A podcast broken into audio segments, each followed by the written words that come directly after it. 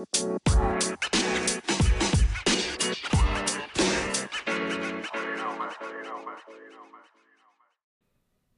luidjes, welkom in de Bokschool podcast. Ik vond het toch nodig om een uh, podcast op te nemen over Conor McGregor tegen Dustin Poirier.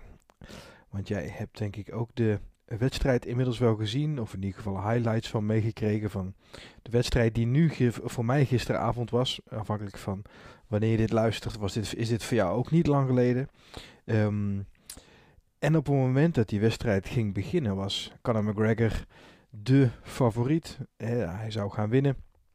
Ik zou ook zeker op hem gewet hebben. Als ik zou moeten wedden, dan uh, was hij voorafgaand aan de wedstrijd ook zeker mijn man. Um, maar wat is er gebeurd? Hè? Dat is voor jou geen verrassing meer waarschijnlijk. Hij is uh, knock-out gegaan. Volgens mij noemen ze het uh, een uh, technical knockout. Omdat de scheidsrechter tussen, tussenin is, is gesprongen. Maar het is gewoon een knockout uit het boekje eigenlijk. In ronde 2 als ik me niet vergis. maar dat kan ook zomaar ronde 3 zijn. Het door een mooie stoten salvo eigenlijk hè, van, van Dustin. Um, een wilde, een wilde bokser, een wilde vechter uit Dustin Poirier. Die uh, met Eddie Alvarez en Justin Gaethje, ook van die strijders, zeg maar, um, goed mee kon hangen. Um, en uh, die stoten uitwisselingen, die wilde stoten uitwisselingen met die twee die ik net noem, maar ook met Conor McGregor, zoals gisteravond durft, aan te gaan en ook zijn kinderen in de lucht steekt en zo wel een paar stoten weg kan happen. Maar uiteindelijk dan toch telkens wint van die eigenlijk um, tot dan toe onoverwinnelijke um, gasten. Als een Justin Gaethje bijvoorbeeld, daar win je ook niet zomaar van. En Eddie Alvarez was ook een knokker echt. En nu dus Conor McGregor. Um, wat me opviel in de wedstrijd is dat uh, McGregor echt aan het boksen was in de octagon. Dus hij gebruikte een brede stand, leunde op zijn voorste been. En dat is een van de dingen die in het MMA en in het uh, kickboksen eigenlijk niet kan doen. Als je leunt op je voorste been, um, dan sta je natuurlijk vrij vast daar. Hè, voordat je je balans dan weer terug naar het midden hebt en eventueel naar links, rechts of naar achter kunt bewegen. En dat kost dan even tijd. Dus voor een low kick is een aanvallende boksstand typische klassieke boksstand. Dus waarin je uh, kunt dippen, hè, kunt bobben en weaven. Dus dat je dus maar door, je, door je knieën kunt bewegen. Zoals een Joe Frazier of Mike Tyson. Of noem welke kleinere aanvallende bokser dan maar ook. Um, dan kun je zeg maar in je voorste been duiken. Om daarna weer hup, omhoog te poppen. En dan met een linkerhoek of uh, rechtse directe wat dan ook. Met een mooie harde stoot terug te komen. In de boksen gebruik ik het heel veel. Bijvoorbeeld zo'n Canelo. Uh, maar ook een Triple G, als die één keer in de aanval gaan, ja, dan leunen ze veel op hun voorste been. Dat heb je gewoon nodig in het boksen. En in het kickboksen MMA dus word je afgestraft door low kicks of calf kicks, uh, die kuit uh, trap die je steeds vaker ziet in het MMA nu. Volgens mij is dat omdat je minder risico op een blessure loopt. dus als je hard tegen die kuit aan probeert te trappen, ook al wordt, de, wordt de stoot of wordt de, trap dan geblokt, dan um, breek je, nog, breek je niet direct je scheenbeen, zeg maar. En volgens mij is dat, zijn die harde low kicks richting het bovenbeen. Als je die checkt, dan hebben we allemaal wel eens gezien hè, met Anderson Silva uh, tegen Chris Whiteman, denk ik, als uh, bekendste voorbeeld. Ja, dan krakt je scheenbeen zo in tweeën. Dus die calf kicks, die kuit uh, trappen zeg maar, van Dustin Poirier, die waren gisteren on point. En um, ja, die zetten de, de rest van de aanval op eigenlijk. In de, in de boksen zeggen ze, um, if you kill the body, the head will die. Dus je veel op het lichaam werkt, dan uiteindelijk zeg maar, dan kun je wel de, de, um, de winst pakken bovenin. Dan, uh, alleen ja, in het kickboksen en MMA werkt hetzelfde met, met, uh, met low kicks natuurlijk. Als je maar genoeg low kicks gooit en genoeg land. En zo heel veel heb je er dus ook niet voor nodig, zagen ook weer in die wedstrijd uh, van gisteren. Um, dan, ja, dan, dan win je eigenlijk. Ook Justin Gaethje is, uh, zijn gameplan is ook heel veel low kicks landen. En dan vallen ze bijna vanzelf om. Weet je wel, dat, uh, een mooie stotensalvo bovenin maakt het dan nog mooi af. Maar volgens mij zijn de meeste gewoon mentaal al kapot eigenlijk. Um, mentaal omdat je zoveel pijn hebt aan dat been. Waardoor je eigenlijk ehm, volgens mij elke stoten salvo wat dan richting je hoofd komt, hè, na twee, drie rondes low kicks pakken, waarin je dat eigenlijk meer verwelkomt. Van oké, dit betekent misschien het einde van die pijn en het einde van deze lijdensweg. Um, dan dat het nu direct de zuiverheid van die stoten zijn die je dan neerhaalt, bijvoorbeeld. Gisteren ook met McGregor, zeg maar, waar het niet zozeer de, ja, de scherpte van de stoten. Hè, er zat eigenlijk niet een echte, ehm, een echte knockout stoot bij. Voor mijn gevoel, eh, zelfs niet die hele harde rechterhoek waar, uh, waar, waar McGregor een beetje inviel. Van, uh, dus de, dus McGregor viel een beetje naar voren en Dustin die ving hem op met een rechterhoek. Eigenlijk op, op, op lichaamshoogte gegooid, maar daar bevond zich het hoofd van McGregor toen. Dat was de, de knock, knock-out stoot eigenlijk. Maar zelfs, zelfs die stoot voelde meer een, um, ja, een van de vele stoten die, uh, ja, die McGregor een kans gaven om maar gewoon te stoppen. Weet je wel, het was meer gewoon, oké, deze slachting, deze, deze salvo moet ik maar gewoon even pakken. Inclusief een paar echt harde poeiers. Um, maar daarna was het gewoon opgeven eigenlijk meer. Hè? Hoe die ook erbij lag naar de rand was niet zozeer hoe iemand knock-out geslagen wordt. Hè? Dan liggen de armen liggen naast je neer. Maar met zijn, uh, met zijn handen nog bij zijn dekking, zeg maar. Um, ja, werd de wedstrijd gestaakt.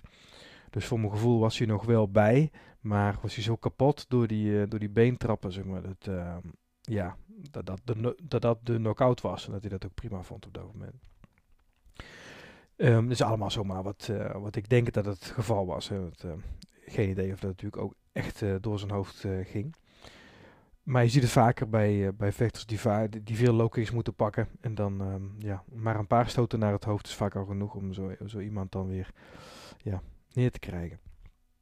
Maar wat me opviel gisteren en waarvoor ik dacht van het is toch wel uh, leuk om met de boxschool dat we daar wat uh, aandacht aan te besteden is, is die boxstand van McGregor, hoe die stond. Dus met um, op zijn voorste been in eerste instantie southpaw, dus met rechts voor, dekking, dekking hoog.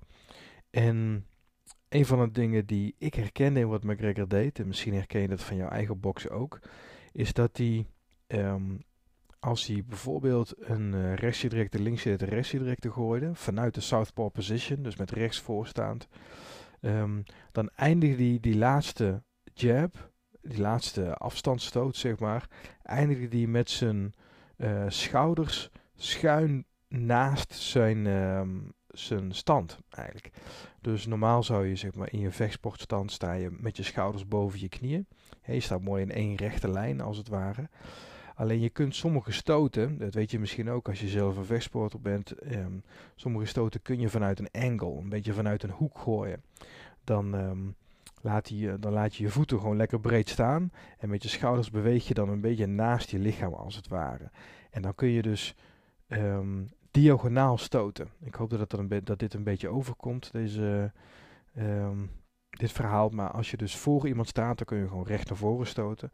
Maar je kunt, maar je kunt dus ook vanuit een angle, hè, vanuit een, diagonale hoek bijvoorbeeld stoten. Hè, dan laat je je voeten staan, maar je beweegt met je schouders een beetje naar links of naar rechts. Hè, wat uh, McGregor dus veel deed in die southpaw position gisteren.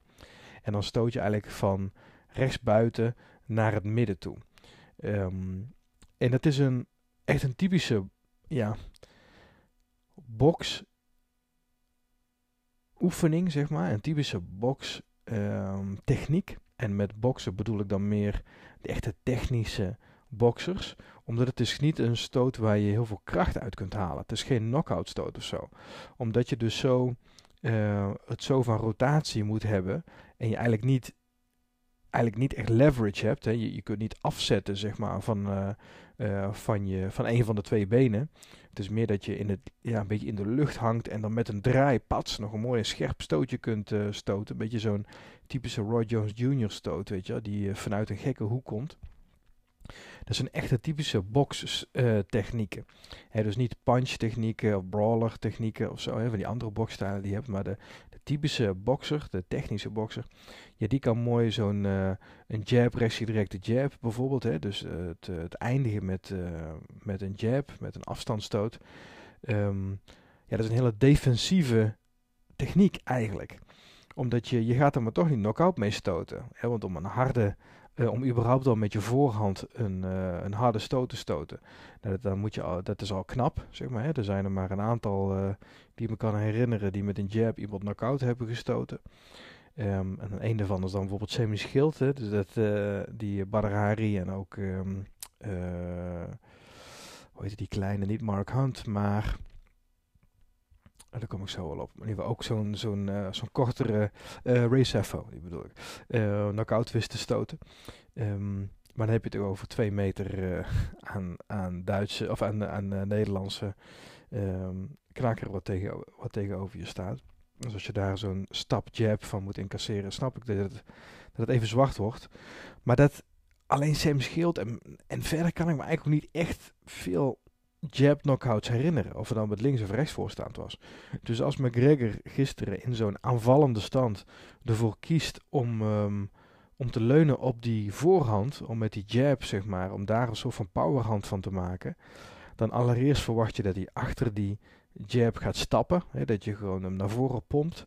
Maar niet dat je hem vanuit een rotatie, een beetje ja, dus zwevend in de lucht, zeg maar, schuin naar voren, naar het midden probeert te, te raken. Dat is echt een, een typische technische techniek, zeg maar, in plaats van een uh, knockout stoot. Dus het hele, um, het hele aura, het hele, de hele energie van McGregor in die eerste ronde was aanval. En met een dreiging met links natuurlijk wel, die, um, die uh, Dustin elk moment wel knockout had kunnen stoten. want uh, Conor heeft gewoon knockoutkracht in die linkerknuist. Maar ik vond het zo apart dat hij dan die, die stopjab gebruikte. Om hem uh, misschien ook om die linksie direct op te zetten. Maar als je zo uit balans staat, hè, met zo'n zo'n scheve stoot, zeg maar. Uh, bekijk de highlights vooral nog maar eens terug, zeg maar. Het gaat me om die, die rechte jab, die die een beetje van buiten naar binnen vanuit een angle gooit, zeg maar. Dat is een hele instabiele stoot. En alle stoten die daarna komen, dat zijn mooie puntstoten. En daarmee kun je, de, uh, of popshots zoals ze ook wel eens noemen, van die Mayweather stoten. Um, maar dat zijn niet je typische knockout knallers. Weet je, die knockout knallers die komen vanaf, ja, vanaf je, je hiel, zeg maar. Die komen vanuit je benen, vanuit je tenen. En um, door het opbouwen van energie, en bam, die dan in die kaak van die ander zeg maar vrijkomt. Ja, dat is een knockout stoot. Dus de energie van McGregor was aanvallen, aanvallen, aanvallen. En, um, maar de techniek erachter, zeg maar, was allereerst stond hij natuurlijk open heel de avond voor die, uh, voor die uh, low kicks van, van Dustin. Um, wat, wat, ja, nou goed. Ik vraag me af of hij daar niet op had geanticipeerd voorafgaand. Hè? Dus van oké, we gaan naar voren, we gaan druk zetten. Maar we gaan uh, niet bezig zijn met, met de low kicks. Dat is toch, iedereen die wel eens heeft gekickboxd, ja, hoort het verdedigen van low kicks, hoort, gewoon, hoort er gewoon bij. Dus het pakken van low kicks, um, dat is niet de standaard ik moet zeggen, bij Kyokushin, waar ik er ook al een ruime, nou, jaartje of zes heb ik het al gedaan of zo. Zes, acht jaar zo'n beetje. In de Kyokushin pakten we ook wel heel veel uh, low kicks, zonder te blokken. Uh, of full contact karate was dat. Um, maar op de een of andere manier, omdat je zo dicht bij elkaar staat, dat zal het misschien geweest zijn. Hè? In, in, in het Kyokushin karate kon je relatief, ja, sta je eigenlijk hartstikke dicht bij elkaar, een beetje op stootafstand. Maar je mag niet op het hoofd stoten, dus wel op het lichaam, hè, zonder handschoenen. Um, en low kicks, knieën en high kicks dan gooien. Maar omdat je zo dicht bij elkaar staat of zo, als iemand een low kick gooide, dan kon je als het ware je gewicht een beetje verplaatsen richting die low kick. En met die gespannen bovenbeenspier, ja, hoe zeg je dat, onderschepte je dan eigenlijk die trap voordat hij helemaal vol tot zijn kracht kon komen. En als we iets verder van elkaar af hadden gestaan in het karate, dan was het een ander verhaal geweest, denk ik. Dus zoals kickboxers bijvoorbeeld, die niet zo dicht bij elkaar blijven staan de hele wedstrijd lang, omdat je nou niet eenmaal uh, drie minuten lang op elkaars hoofd in gaat timmeren. je wil een beetje afstand pakken, en dan een paar stoten, weer een beetje afstand pakken. Omdat die afstand bij het kickboksen groter is, en bij het MMA ook, um, zijn alle low kicks die gegooid worden, ja, die, ja dat is zeg maar een, um, een, uh, honkbalknuppel, zeg maar, die vol, die vol gegooid wordt. Hè, die, pak je, die pak je zeg maar op zijn, uh, op zijn volle kracht als je die dan zomaar even eentje neemt, zeg maar, zonder die te blokken. En bij Kyokushin was het meer, ja, voor mijn gevoel pakte hij eigenlijk maar een derde of 50% van, die, van de mogelijke kracht van een low kick, omdat je hem al eerder kon onderscheppen. Maar in het MMA weet het dus wel wat, het dus wel wat anders. En ehm, ik zie sommige gasten zie je beter low kicks pakken dan anderen. En voor, voor mijn gevoel trapt de ene ook wel gewoon scherper dan de andere. Als jij wat vechtsportachtergrond hebt, dan, en uh, vooral met, met kickboksen of misschien ook wel karate of iets dergelijks. Sommige gasten kunnen gewoon goed low kicks gooien. Weet je, van die scherpe, snelle low kicks. Um, het zoals een goede jab een soort van specialiteit is, kan een uh, goede low kick dat ook zijn. En bijvoorbeeld een Justin Gaethje bijvoorbeeld, nou dat, um, dat lijkt me gewoon überhaupt een hele pijnlijke affaire om daarmee uh, de octagon te moeten delen. Um, maar die Justin Gaethje, die kan, die kan ze ook uitdelen, die uh, low kicks. Des te knapper is het ook hoe Khabib Nurmagomedov korte met heeft gemaakt eigenlijk met die Justin Gaethje in die wedstrijd. Hè. Dat, ook zijn reactie op uh, de winst van Dustin en um, um, de andere partij tussen Dan Hooker gisteren met de UFC en um, Chandler, even zijn voornaam kwijt, van de voorheen Bellator zeg maar zijn algemene conclusie van Khabib was dat, ja, dat hij veel beter is. Hè, dat zijn niveau gewoon eenmaal veel hoger ligt dan dat van de uh, mensen die nu dan um, contenders zijn. Hè, dus Dustin Conner, et cetera. En dat, uh, dat Dana zeg maar eerlijk moest zijn daarin. En Dana White vertelde dat in die persconferentie. En inderdaad, ja, dat klopt. Khabib Nurmagomedov is gewoon steekt echt met kop en schouders boven die anderen uit. En ik weet ook niet goed wat ik van Khabib zou willen nu. Als vechtsportfan, als UFC, boxfan. Ik zou niet goed weten wat ik van hem zou vragen. Want um, hij heeft alles gewonnen. Hij heeft van, dus van Conor gewonnen, Dustin gewonnen. Van iedereen die iedereen is, of uh, iedereen die iemand is, heeft hij heeft gewonnen. En overtuigend gewonnen ook. Er zit eigenlijk, zit eigenlijk geen enkele partij bij waar, die maar, ja, waar je twijfel over zou kunnen hebben wereldkampioen, uh, pound for pound vechter uh, gekroond ook door de UFC. Hè. Dus er was een beetje een dispute met John Jones, die, de, die al jarenlang, eigenlijk sinds hij bij de UFC zit, is um, Johnny Bones Jones de pound for pound king eigenlijk in de UFC. Maar um, nu dan even niet. Khabib was dat.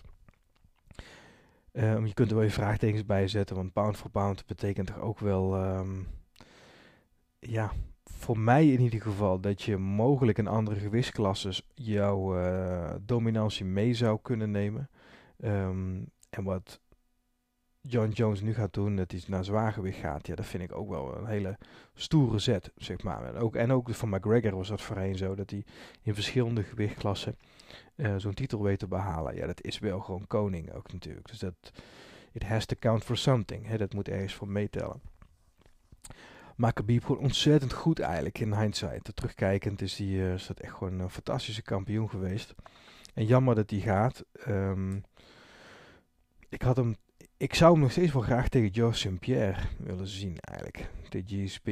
Die, um, die wedstrijd die hing eigenlijk een hele tijd in de lucht. Dus toen Khabib zei dat hij retired was, dat hij ermee ging stoppen laatste, na die wedstrijd met, uh, met Justin Gaethje. Toen... Um, en Dana White zei, nou, misschien is er nog wel, misschien ligt er nog wel een wedstrijd in vooruitzicht. Hè? Misschien uh, dat ik hem toch nog terug kan, uh, terug kan krijgen voor één wedstrijd. Ja, volgens mij dacht uh, iedereen en zijn moeder dat dat die wedstrijd tegen, Jace, um, tegen George. Pierre zou gaan worden. Maar dat lijkt nou toch wel van de baan te zijn. Want ik helemaal niet meer over gesproken. Um, wat, wat jammer is. Hè? Elke, elke megafight is, uh, is interessant. En um, vooral als het om meer gaat dan alleen een kampioenschap. Of als het om meer gaat dan ja, de winst van één iemand. Hè? Dus ik denk als, als Khabib nu tegen een van de contenders zeg maar uh, zou gaan. Ik denk die Michael Chandler.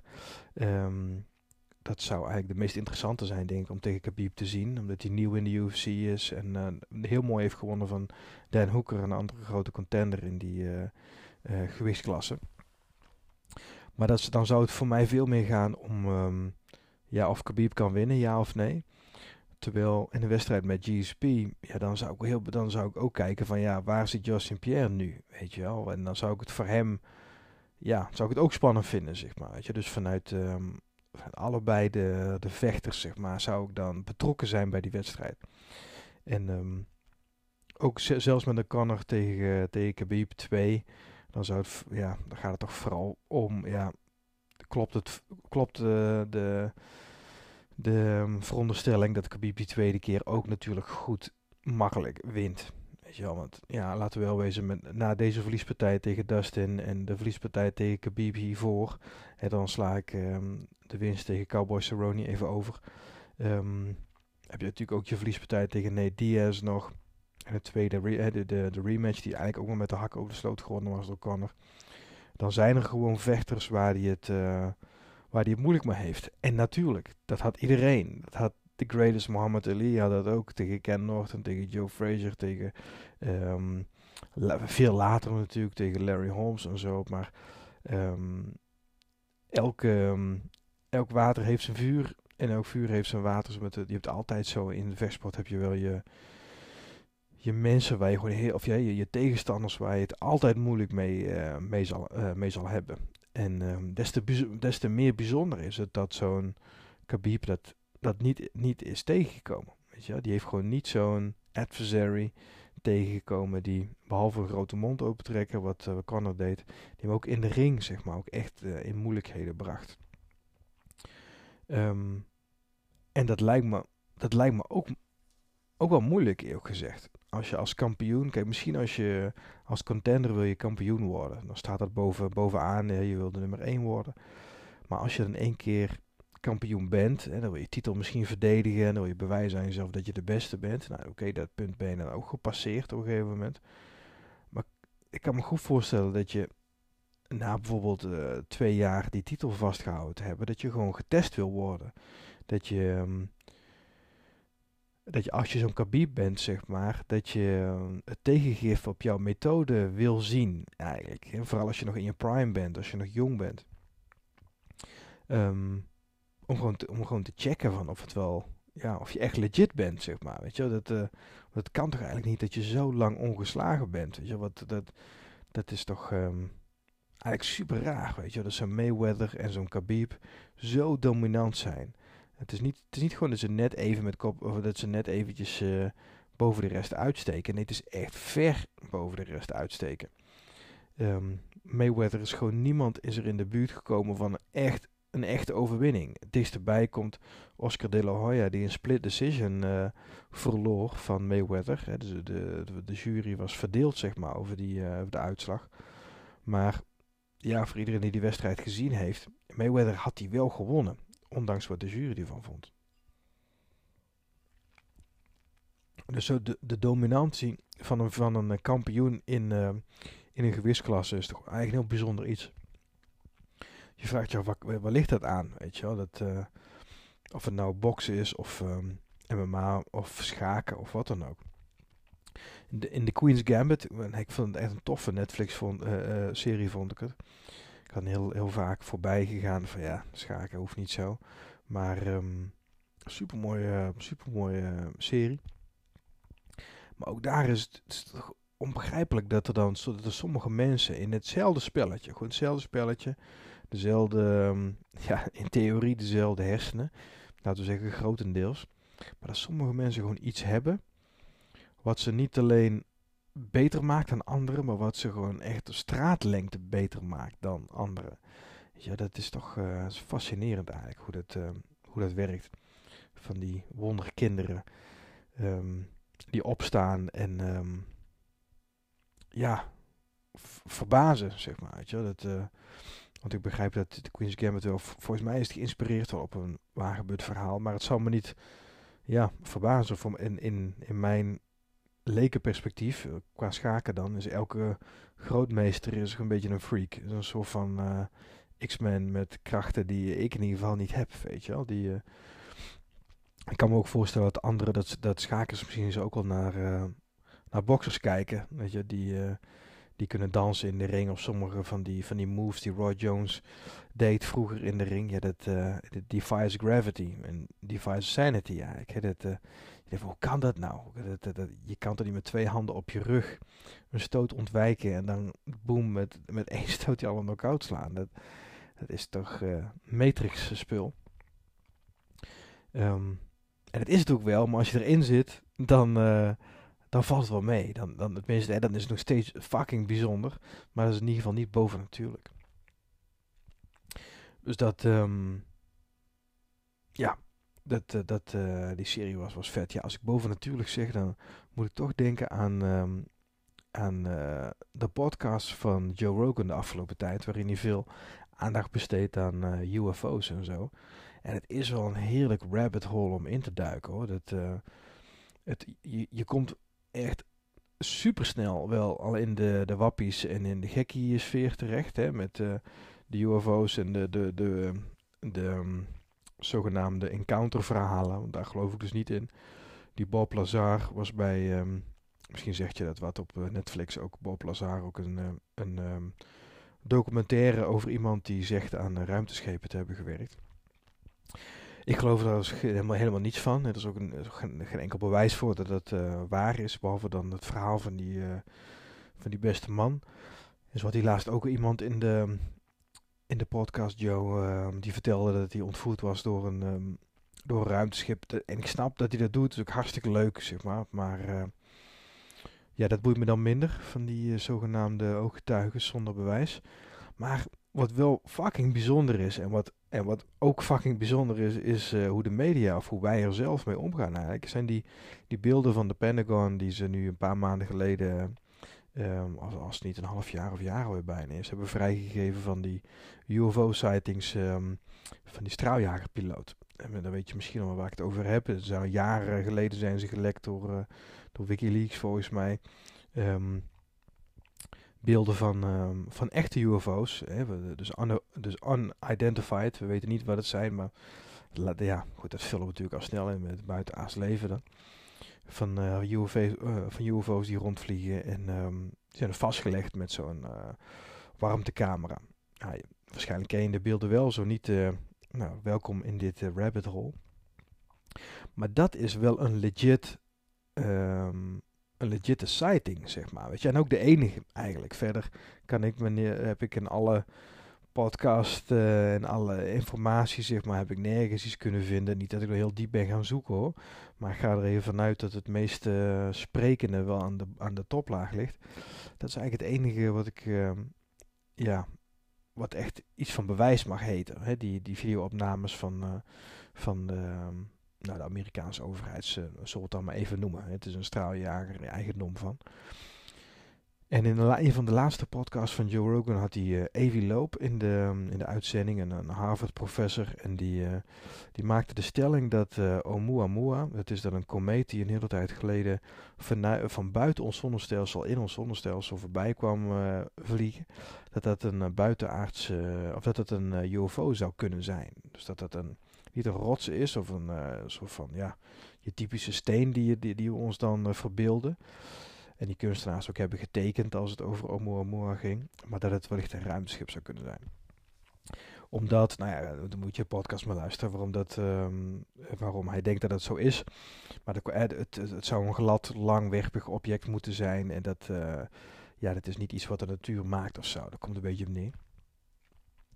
Maar in die podcast, wat, wat wel heel interessant was en waar ik wel goed naar uitkijk ook, is dat, uh, dat Rogan, misschien, misschien gaat hij wel samen met Elon Musk, want dat zijn wel twee maatjes, gaat hij wel een expeditie opzetten om naar, um, om um, uh, die UFO-sightings van de Amerikaanse overheid, om die te onderzoeken. Weet je, om naar die, uh, die plek in de oceaan te gaan waar, dat, ja, waar die UFO zeg maar, uit het water kwam en wegschoot. Um, het lijkt me wel super vet. Even los van wat er nou uitkomt. Hè, als het uh, allemaal uh, debunked wordt, nou prima, ook goed.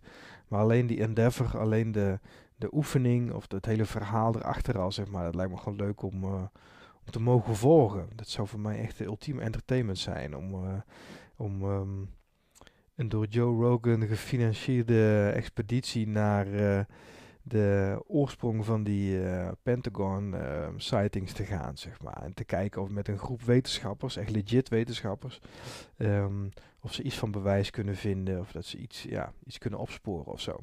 Want tot op heden gebeurt dat dus niet. Hè? Dat vind ik wel superleuk.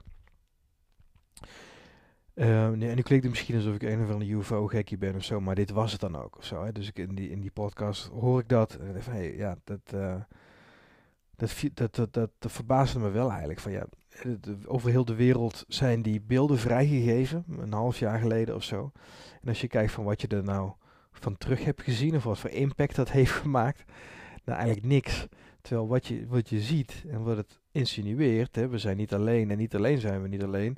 We zijn, ehm, eh, er is bewijs van dat, dat, er, dat er nou ja, objecten zijn, zeg maar, die we niet kunnen verklaren. Ik ben echt de laatste die een, zwever, uh, een zwever mag noemen. Voor mij is evidence-based, bovenaan. Niks wordt aangenomen dat het aangetoond is. En anders is het waarschijnlijk of mogelijk of aanwijzingen dat. Ehm, dus ik ga je zeker niet zeggen dat, uh, dat dat ook zeker UFO's waren die in die Pentagon-video's voorbij vlogen. Maar het is, ja, het is jammer om het niet te onderzoeken. Het is legit genoeg om er verder onderzoek naar te doen in ieder geval.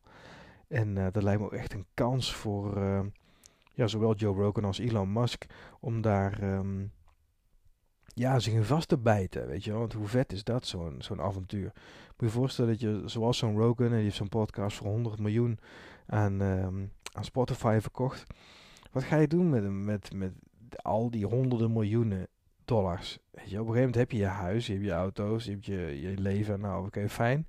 Alles wat je maar wil. Je kinderen en de kinderen van je kinderen, die, uh, die hebben alles wat ze maar willen, hoeven nooit naar iets van geld te kijken. Waar ga je geld dan uitgeven? Op zo'n Jeff Bezos, Elon Musk en zo. Wat ga je doen met, met, met, met, met al die miljarden op de rekening? Nou, bijvoorbeeld zoiets, weet je, of verkennen, eh, exploren. En dat Elon Musk met, met die auto de, de ruimte insturen. Ja, dat voelt dan wat, uh, nou ja, dat is dan een beetje gewoon een beetje gek, zeg maar. Maar dat is ook prima, uh, leuk gek. Maar um, ja, zoiets, zo'n vet expeditie uh, naar bijvoorbeeld die oorsprong van die Pentagon-video's, dat lijkt me super vet. En verder is eigenlijk alles wat Musk doet, is... Um, is fucking goed besteed geld eigenlijk. Hè? Dus ik, als je dan een miljardair bent, dan, um, dan vind ik het fijn dat iemand investeert in een, ander, in een optie B, zeg maar, behalve de aarde voor onze mensheid.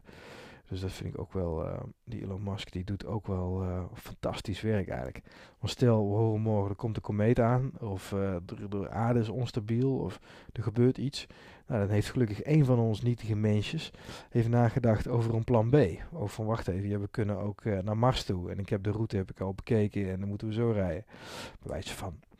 Um, dus ik ben heel blij dat dat soort, dat soort mensen er zijn.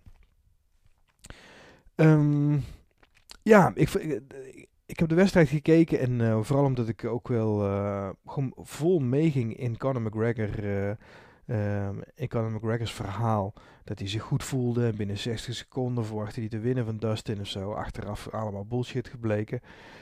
want je ga, ja, ik kan me niet voorstellen dat hij zich echt in topvorm voelde. En dan de prestatie van gisteren neer, neer had gezet. Dat, dat, dat lijkt me tegenstrijdig. Um, maar ik vertelde ook in de vorige podcast dat ik verwachtte dat hierna de bokswedstrijd tegen Manny Pacquiao zou gaan plaatsvinden. Omdat Manny Pacquiao en Conor McGregor onder dezelfde, uh, onder dezelfde promotiemaatschappij vallen. Um, leek me dat evident eigenlijk dat het ging gebeuren en daar las je ook wel, wel genoeg over. Maar dit zet alles wel op losse schroeven, eigenlijk. Um, ik verwacht niet dat dat nog gaat gebeuren zo, want wie, uh, wie, wil, ja, wie wil dat zien? Alleen als Conor McGregor in het MMA eenzelfde status zou um, herkrijgen zoals je dat in die tijd van Mayweather had, hè, waarin hij die champ-champ was, um, ja, dan zou dat enigszins nog aantrekkelijk kunnen zijn voor de gemiddelde kijker. Maar nu zie je een Conor McGregor die net heeft verloren in het MMA en die zeer waarschijnlijk ook gaat verliezen in het boksen weer. Dus uh, ik zie daar geen enkel appeal voor. Um, ik weet niet of je het een beetje meekrijgt, maar je hebt die Logan en Jake Paul, hè, die YouTube-jongens, uh, die, uh, die doen het gewoon prima. Hè. Kijk, YouTube, ik krijg er ontzettend jeuk van, die knakkers. Maar tegelijkertijd vind ik het ook wel weer heel vet. Um, ze, super extravert. En die Logan Paul, die gaat dus tegen Mayweather een exhibition fight. Volgende maand al doen, bedenk ik me net. In februari staat die uh, gepland. En die Jake Paul, die, um, nou, die is ook gewoon lekker de boel aan het opschudden in het MMA en in het boksen ik volg niet veel andere, of ik volg niet veel van die, uh, ja, van, van celebrities in het algemeen op Instagram. Maar die Jake Paul, dat vind ik wel, dat, is echt entertainment, zeg maar, om dat te volgen. Hoe die, uh, uh, bijvoorbeeld Conor McGregor te kakken zet en zo. Heeft, weet ik hoeveel miljoen volgers op Instagram. Maar dat is zijn ook zijn claim to fame. Hè? Gewoon heel veel volgers hebben op YouTube en, en Instagram. die krijg je natuurlijk niet voor niks, maar ehm, dat is wel waar zijn waarde ligt. Hè, want die YouTube-sterren, dat is ook de reden dat Mayweather en Logan Paul tegen elkaar ehm, boksen.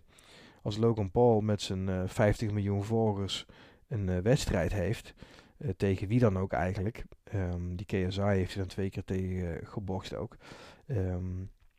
en 10% van zijn volgers die koopt die pay-per-view.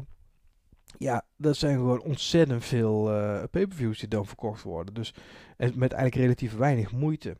Dus als je zo'n, als je iemand, ja, laten we zeggen een Uber-influencer zoals uh, Logan Paul kunt um, fixen als Mayweather om tegen jou te boksen, ja, dan ben je gegarandeerd van, ja, van een hoop poen eigenlijk.